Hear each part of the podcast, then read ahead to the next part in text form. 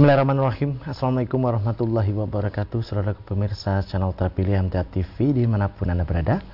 Puji syukur Alhamdulillah senantiasa kita panjatkan kehadirat ilahi Rabbi Allah subhanahu wa ta'ala Atas kenap karunia nikmat dan juga rahmatnya untuk kita semua Di perjumpaan awal aktivitas pagi hari ini.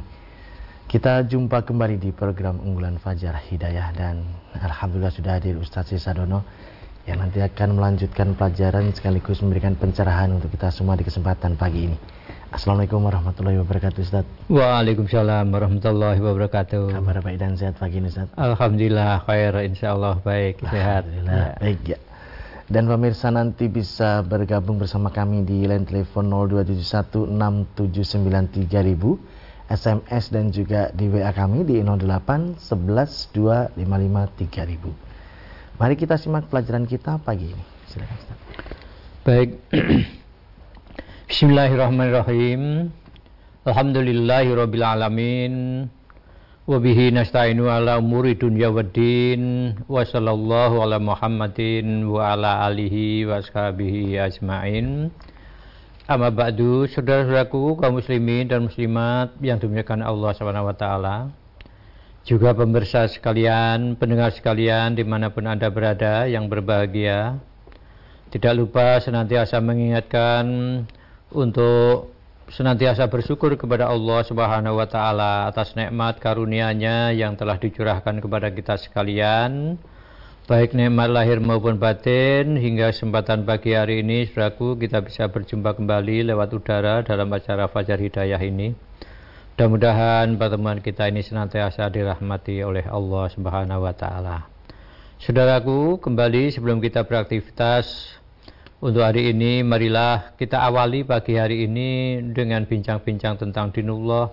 Lalu sama-sama kita perhatikan nasihat-nasihat yang ada di dalam Al-Quran, di dalam As-Sunnah, dengan harapan agar tingkah laku kita, perbuatan kita, sampai perjalanan hidup kita ini senantiasa berada di atas jalan yang lurus, di atas jalan yang benar, yang ujung-ujungnya kita mengharapkan keselamatan dan kebahagiaan hidup, baik di dunia ini maupun nanti di akhirat.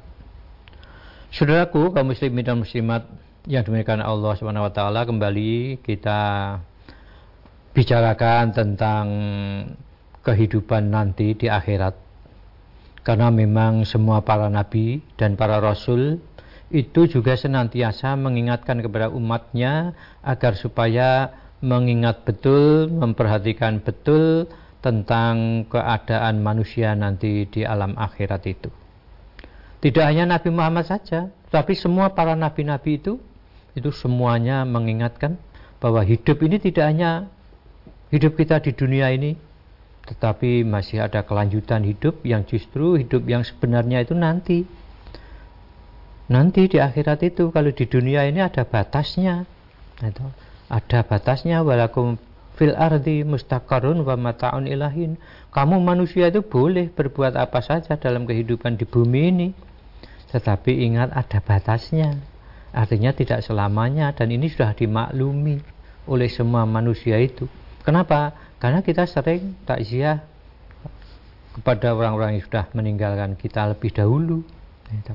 Nah, oleh sebab itu saudara-saudaraku untuk mengingat kembali kepada kehidupan nanti di akhirat, di mana di dalam kehidupan nanti di akhirat itu Allah Subhanahu wa taala akan memasang mizan yang di sana manusia itu nanti akan dihisap apa yang dihisap, apa yang dimintai pertanggungan jawab, ya semua amal-amalnya.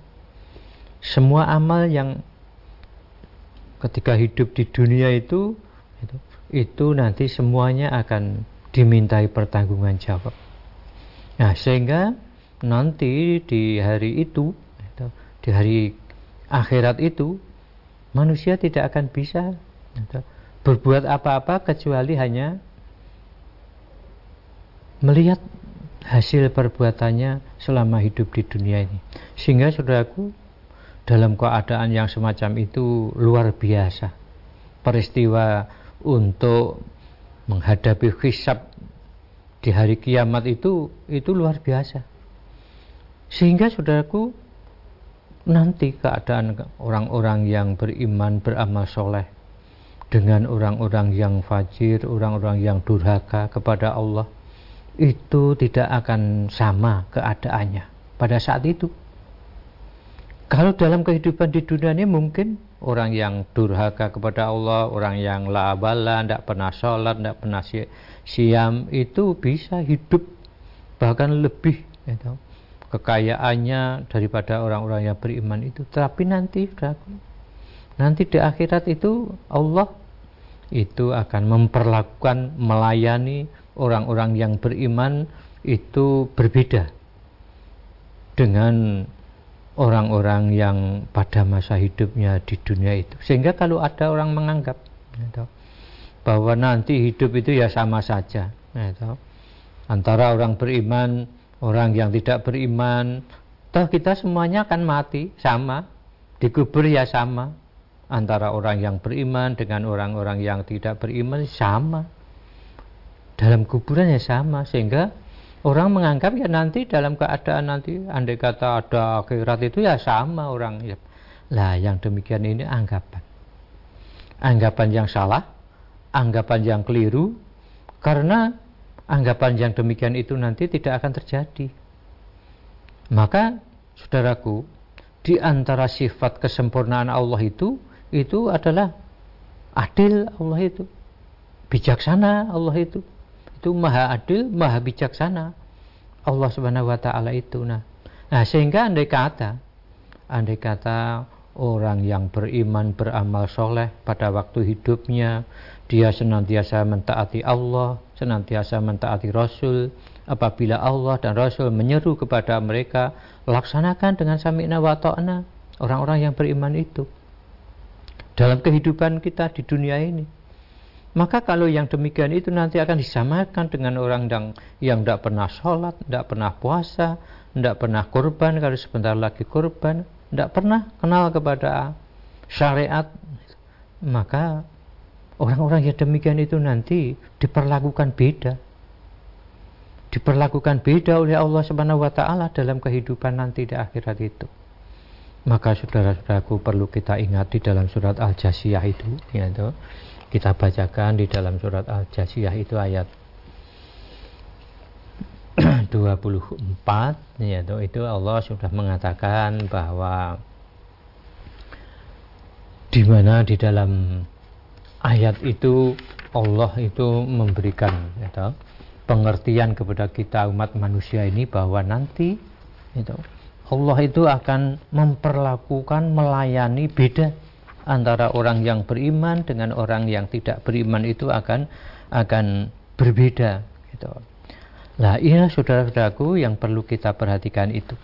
Nah, sehingga di dalam surat Al-Jasiyah itu Allah mengatakan, ya, A'udzubillahi minasyaitonirrajim, ya, Am khasiballadzina najatarahu sayyi'at, ya, an naj'alahum kalladzina amanu wa amilus solihati sawa mahyahum wa mamatuhum sa'amayahkumun gitu. Apakah orang-orang yang membuat kejahatan itu menyangka bahwa kami Allah akan menjadikan mereka itu seperti orang-orang yang beriman dan mengerjakan amal-amal yang soleh yaitu sama dalam kehidupan dan kematian mereka amat buruklah apa yang mereka sangka itu.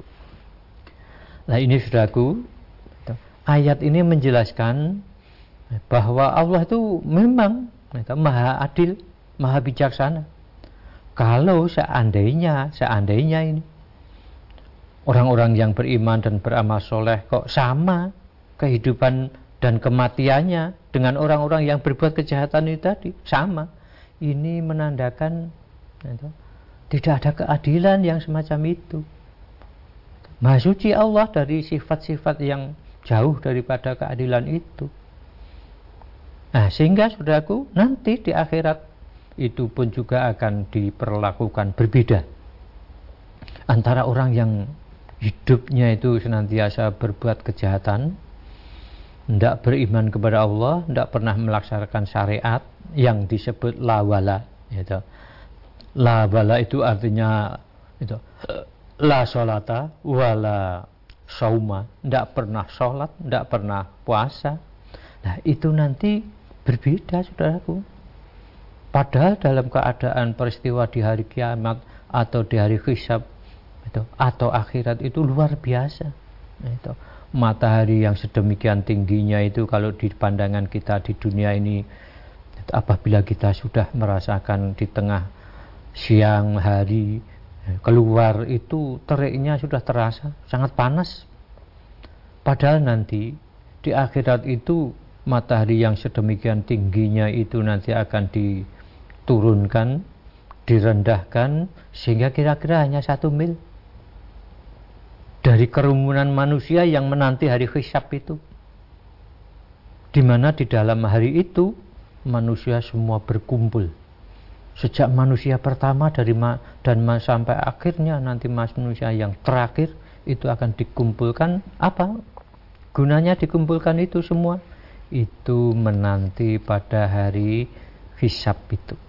Di mana nanti manusia masing-masing yang sekian miliar manusia itu itu akan dihisap oleh Allah Subhanahu wa taala.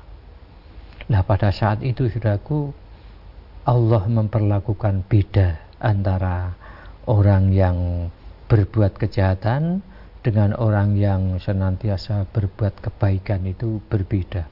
Kalau menyangka bahwa nanti toh sama, mereka sampai di akhirat sama diperlakukan sama, sama-sama semua manusia oh ini dikatakan di dalam ayat itu tadi adalah yaitu samayah kumun sangat buruk sangat tidak tepat apabila orang menyangka bahwa Allah nanti akan memperlakukan sama melayani sama antara orang yang berbuat jahat dengan orang yang beriman dan beramal soleh. Lah itulah saudaraku datangnya hari hisab atau datangnya hari kiamat di mana manusia itu nanti pasti akan mengalami sampai ke sana yang sekarang ini kita boleh diibaratkan kita semuanya itu berjalan ya, berjalan menuju kepada kampung akhirat yang di mana di akhirat itu tadi ada hisab itu tadi nah itulah saudaraku mudah-mudahan kita dengan ayat-ayat yang membicarakan tentang kehidupan nanti di akhirat itu akan berpengaruh pada kehidupan kita sehingga kita akan mengarah kepada kebaikan-kebaikan dan mempersiapkan bekal-bekal untuk menghadapi hari akhirat yang sedemikian rupa peristiwanya itu. Begitu yang dapat kami sampaikan. Ya, baik. Baik pemirsa, kami harapkan Anda bisa bergabung bersama kami di line telepon 02716793000, SMS dan juga di WA kami di 08112553000. Namun sebelumnya kita akan simak beberapa informasi dalam rangkaian jeda pariwara berikut ini. Saudaraku pemirsa channel terpilih MTA TV di mana pun Anda berada, terima kasih Anda masih setia bersama kami, khususnya di program unggulan Fajar Hidayah pagi ini. Kesempatan pertama kami persilahkan di line telepon 6793000 untuk bisa bergabung. Halo, Assalamualaikum. Halo, Assalamualaikum. Waalaikumsalam. Halo. Ya, dengan siapa? Ya. Di mana Bapak? dari Bapak Basri Kemusu. Silakan Pak Basri. Assalamualaikum Ustaz. Waalaikumsalam warahmatullahi wabarakatuh. Uh, yang kami tanyakan gini Pak Ustaz tentang korban. Ya. Uh, kalau sapi itu tujuh orang, kalau kambing satu orang. Ya kalau sapi itu tujuh orang harus apakah harus sepertiganya itu untuk tujuh orang itu diambilkan atau tidak Ustaz? Apa? Sepertiga dagingnya untuk ketujuh oh. orang itu. Uh, hmm. Begitu? Uh, apakah hmm. itu harus mendapatkan sepertiganya tujuh orang itu? Oh, yeah. Demikian atas jawabannya ucapkan terima kasih Ustaz Wassalamualaikum warahmatullahi wabarakatuh Waalaikumsalam warahmatullahi wabarakatuh Iya jadi memang korban itu adalah membagi-bagikan daging kepada yang lain-lainnya tidak hanya untuk dimakan sendiri. Maka memang menurut aturan syariat kita itu mengatur bahwa daging-daging kurban di mana kita berkurban itu untuk dikonsumsi sendiri artinya untuk dimakan sendiri itu maksimal itu ya sepertiga. Ya, dua pertiganya itu dibagi-bagikan. Dibagikan boleh dibagikan kepada tetangga boleh dibagikan sebagai hadiah dan sebagainya itu.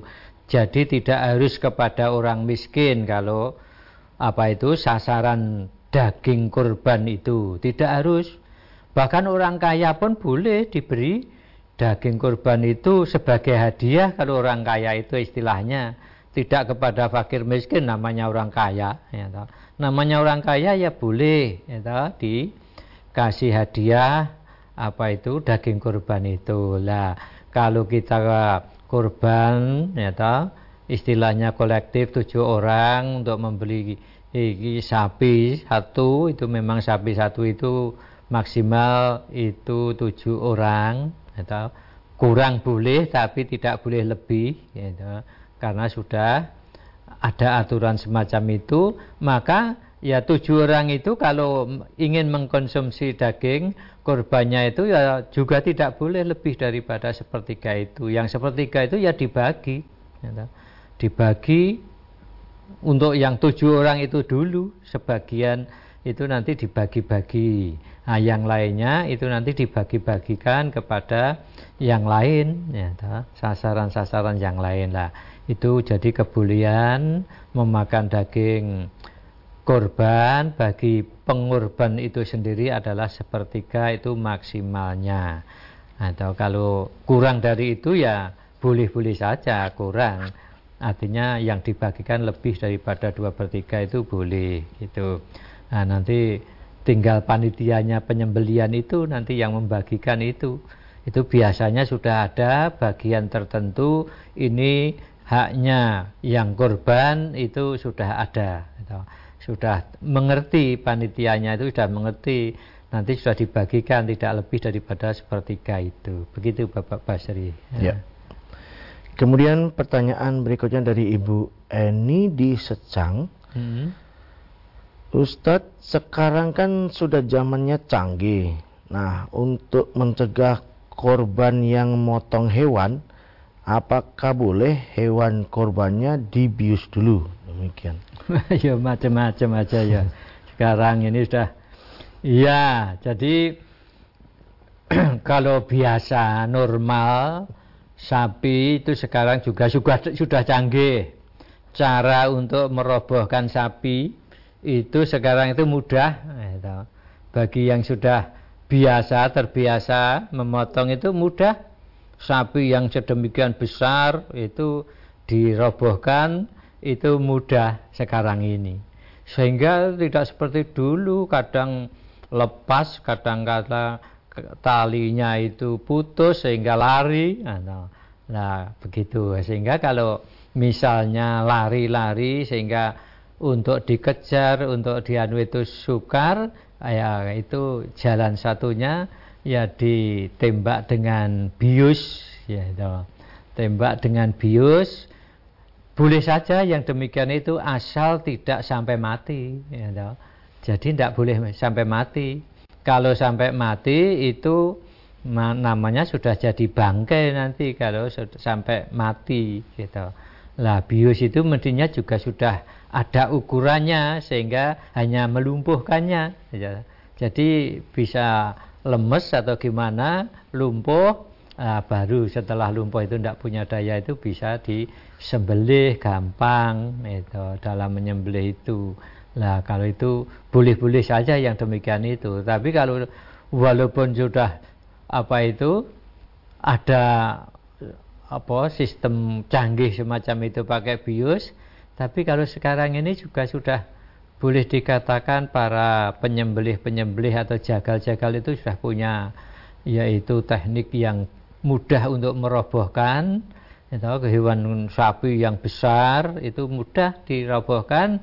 Nah, setelah roboh baru di sembelih dan pesonya pun juga sekarang ini itu juga tajam-tajam sekali ya, tajam pesonya sekali share itu ndak usah istilah kita itu diekek-ekek itu ndak. Pesonya sudah langsung sekali itu sampai ke urat lehernya itu gurungnya itu gitu. Nah sehingga boleh dibius itu asal tidak sampai mati tapi kemungkinan-kemungkinan kalau memakai bius itu yaitu tadi kalau ada hewannya itu mungkin galak, mungkin anu itu sehingga sampai lepas talinya dan itu kalau terpaksanya itu dengan cara yang demikian itu boleh gitu. boleh asal tidak sampai mati kalau sudah sampai mati nah itu namanya jadi bangkai gitu ya ya masih di SMS dan WA dari Ibu Siti hmm. di Salatiga. Ustadz, kalau korban ikut majelis itu apa juga harus dizakati Ustadz? Wah ya. Wah ini memang termasuk orang kerja itu istilah saya itu. Kerja itu artinya hati-hati. Ya, jadi hati-hati di dalam memahami syariat, mengamalkan syariat sehingga hati-hati sampai sedemikian rupa. Korban saja ditanyakan apakah dizakati korban itu. Ya, baik di majelis ataupun di tempat-tempat yang lain. Ya, artinya kalau di tempat lain tidak dijakati kalau di majelis ditanyakan ditakati atau tidak ya, jadi yang penting itu kalau kita sudah mempunyai harta di mana kita sadar bahwa mimma razaqnahum yungfikun Artinya dari apa-apa yang Allah rezekikan kepada kita itu lalu kita mau menginfakannya. Di antara infak-infak itu kan kita tahu ada yang wajib namanya zakat, ada yang sunnah namanya sodakoh dan sebagainya itu. Itu ada sehingga ada aturan. Atau memang kalau kita mendapatkan rezeki dari Allah itu itu sudah ya mestinya dikeluarkan dua setengah persennya dari rezeki yang kita terima dari Allah SWT itu melalui sebab atau sarana dari mungkin sebagai pegawai, sebagai karyawan, sebagai apa itu jasa dan sebagainya, dagang dan sebagainya itu. itu. Tapi walaupun dari sarana-sarana itu kita sebagai orang mukmin hadza min fadli ini adalah karunia dari Allah gitu. Lah kita zakati. Kita sudah Nah, kalau setelah dijakati sedemikian rupa sudah lalu kita belikan apakah itu kambing, apakah itu apa itu lembu, sapi itu sebetulnya sudah tidak usah dijakati, itu sudah tidak apa-apa. Karena sudah dijakati tadi. Namun apabila akan menjakati segala sesuatu yang kita keluarkan, memang ada, saudaraku, ada orang itu itu karena memang sadar betul bahwa rezeki itu datangnya dari Allah setiap membeli sesuatu yang untuk keperluan ke, keperluan kehidupan itu juga dikeluarkan zakatnya. Itu. dikeluarkan zakatnya. Padahal sebelumnya sudah diyakati. Nah, ini kembalinya faman tatawa khairan fahuwa khairullah. Jadi barang siapa yang membayarnya itu lebih mengeluarkannya itu lebih itu kelebihannya tidak hilang begitu saja tidak tetapi nilai pahalanya itu kembali kepada yang bersangkutan itu nah begitu sehingga apabila itu tadi lembu atau kambing yang kita korbankan kita keluarkan zakatnya itu itu bagus sekali ini namanya orang yang sangat hati-hati gitu. kerja mem memperhatikan betul hukum-hukum Allah itu sampai-sampai yang sebetulnya sudah dijakati, dijakati lagi. Nah, ini dalam rangka itu tadi berhati-hati, yang berhati-hati dalam rangka kebaikan itu. Gitu. Ya, baik. Kembali di line telepon 6793000. Halo, Assalamualaikum. Halo, Assalamualaikum. Waalaikumsalam warahmatullahi wabarakatuh. Dengan siapa di mana Ibu? Dengan Ibu Sri di Pacitan. Silakan Ibu Sri. Iya, terima kasih. Assalamualaikum warahmatullahi wabarakatuh, Ustaz. Waalaikumsalam warahmatullahi wabarakatuh. Uh, Ustaz, yang saya tanyakan yaitu apabila kita waktu sholat, sholat kita itu sudah misalnya sholat sholat subuh eh sholat sunnah, sholat sunnah lail itu udah dapat sholat sunat lain dapat satu rakaat misalnya. Terus kita tuh tiba-tiba tuh kepengen buang air besar gitu. Hmm. uh, apakah sholat kita dilanjutkan? Apakah sholat kita dibatalkan? Ya sholat apa saja apa sholat fardu apa sholat sunnah apabila udah di tengah-tengah sholat dan tiba-tiba tuh pengen buang air besar begitu itu apakah dilanjutkan apakah dibatalkan yeah. Ya, demikian mohon yeah. penjelasannya atau tausiahnya. Terima kasih. Wassalamualaikum warahmatullahi wabarakatuh. Waalaikumsalam warahmatullahi wabarakatuh. Iya, jadi apabila kita akan sholat itu perhatikan apabila dalam keadaan normal, itu insya Allah ya kita kalau istilahnya ingin buang hajat itu sebelumnya itu mesti sudah terasa. Sehingga apabila kita akan mengerjakan sholat menghadap kepada Allah itu jangan dibebani dengan beban istilahnya itu yang menahan apa itu hajat itu tadi entah BAB atau entah keluar angin dan sebagainya itu jangan jangan dibiarkan kita menahannya karena kalau kita menahan itu bisa jadi nanti konsentrasinya atau kehusuannya di dalam kita melaksanakan sholat itu sudah terganggu karena ngampet itu tadi. Nah, maka kalau sebelum, ya toh, kalau sebelum kita sholat, misalnya kita itu sudah terasa, ya kita keluarkan dulu, ya, nah, sehingga nanti di dalam sholat itu betul-betul kita bisa konsentrasi, kita bisa khusyuk, sehingga tidak terasa nah, dengan menahan dan sebagainya itu tidak. Namun kemungkinan kalau tadinya dalam akan melaksanakan sholat tadi itu belum terasa, tapi tiba-tiba karena makan apa itu? Cabai yang banyak, ya toh, tadinya makan cabai yang banyak, akhirnya di tengah-tengah sholat itu terasa, terasa ingin buang hajat itu tadi, lah gimana ini? Lah ini juga sangat mengganggu. Nah, sehingga kalau yang demikian itu apabila memang terpaksanya itu, harus itu ya dibatalkan. Karena nanti karena itu tadi perut mungkin terasa tidak enak sehingga apabila ditahan sebentar saja itu bisa jadi keluar tanpa disengaja. Nah, nah itu akhirnya nanti juga malah jadi najis. Kalau di masjid ya mengotori masjid dan sebagainya itu. Itu boleh saja kalau karena memang terasa sekali itu sehingga tidak bisa menahannya itu. Keluar ya toh. Keluar kita itu batalkan gitu itu tapi kalau dalam keadaan normal biasanya kalau belum ya sebelum kita melaksanakan sholat itu tidak terasa apa-apa itu kalau dalam keadaan sehat insya Allah hanya dua menit, tiga menit atau lima menit dalam kita melaksanakan sholat itu bisa menahannya sedemikian rupa itu. Nah itu maka kemungkinan kalau tidak bisa menahan itu mungkin itu tadi karena banyak makan sambal, banyak makan cabai sehingga perut jadi mules akhirnya dalam sholat pun terasa yang sedemikian itu. Gitu. Ya. Kita kembali di WA kembali Ustaz hmm. dari Bapak Sutama di Cilacap menanyakan Ustaz kalau pembagian daging kurban setelah hari tasrik itu apa dibenarkan karena jangkauannya yang jauh. Iya, jadi teknik untuk menyampaikan itu memang tidak diatur.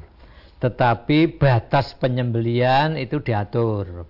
Ya aturannya sampai kepada hari tasrik itu hari tasrik itu tiga hari sesudah hari korban itu itu adhanya itu setelah itu tiga hari sesudahnya itu namanya hari tasrik gitu. hari tasrik itu batas daripada penyembelian korban itu. Gitu, penyembelian. Sehingga andai kata gitu, andai kata gitu, menyembelihnya itu banyak nah, sehingga di hari tasrik hari yang terakhir tanggal 13-nya ya, tanggal 13-nya itu sampai misalnya menyembelihnya asar waktu asar nah, akhirnya ya, di dalam mengelola daging-daging itu dengan pembagian pengantin sampai akhirnya lebih daripada waktu maghrib. Maghrib di akhir bulan dari akhir hari tasrik. Itu berarti sudah di luar di luar hari tasrik. Nah, kalau ini boleh saja tapi menyembelihnya itu tadi harus di dalam hari tasrik itu. Gitu hari tasrik itu hari yang ke-13 sampai hari yang tanggal 13-nya itu. Asal masih di dalam hari itu itu ya boleh tetapi itu tadi kalau memang mendistribusikannya itu sampai ada yang jauh-jauh sehingga memakan waktu memakan ada perjalanan yang panjang sehingga akhirnya di luar dari hari tasrik itu tapi kalau menyembelihnya tadi sudah dalam hari tasrik boleh saja ya. Ya tadi sampaikan mungkin sampai hari jam malam atau isya dan sebagainya itu kalau sudah itu karena pergantian ya toh, waktu hari menurut Komaria itu maghrib. Ya Kalau samsiah atau matahari itu waktunya jam 00, jam 12 ya toh, malam. Tapi kalau Komariah tidak tidak jam 00 tapi maghrib itu. Nah, kalau sudah jam 7 misalnya, itu sudah masuk Isya, itu sudah hari berikutnya itu. Tidak ada misalnya hari Kamis jam 7 malam. Kamis itu jam 7 itu sudah masuk Jum'ah. Nah, sudah masuk juga bukan malam Jum'ah, ya, ya sudah masuk Jum'ah itu. Nah, itu. Itu kalau Komariah sedemikian. Jadi jadi menyembelihnya itu harus hari tasrik, pembagiannya itu kalau mungkin itu keluar dari jam itu hari itu boleh saja itu secara teknik gitu. Namun begitu kenapa kok sampai apa itu batas hari akhir itu apa saking banyaknya nah, itu, kurban yang disembelih itu sehingga memakan waktu tiga hari saja empat hari saja itu itu belum cukup. Nah, itu. Nah, itu perlu dipertanyakan itu di situ. Kalau memang banyak sekali sehingga sampai akhirnya itu sampai akhir hari tasrik itu ya boleh saja asal menyembelihnya itu itu di hari tasrik itu. Begitu. Ya. Baik, kami sampaikan terima kasih atas hmm. pelajaran dan tausiahnya di kesempatan pagi ini, Ustaz. Assalamualaikum ya. warahmatullahi wabarakatuh. Waalaikumsalam warahmatullahi wabarakatuh. Ya, baik saudaraku pemirsa channel terpilih MTA TV di mana pun Anda berada Demikian tadi telah kita simak dan bersama program unggulan Fajar Hidayah di kesempatan pagi ini. Kita jumpa kembali di kesempatan mendatang dan saya Tommy Al-Fatoni pamit undur. Alhamdulillahirrahmanirrahim Subhanakallahumma wa bihamdika Asyadu an la ilaha illa anta astaghfirika wa atubu Assalamualaikum warahmatullahi wabarakatuh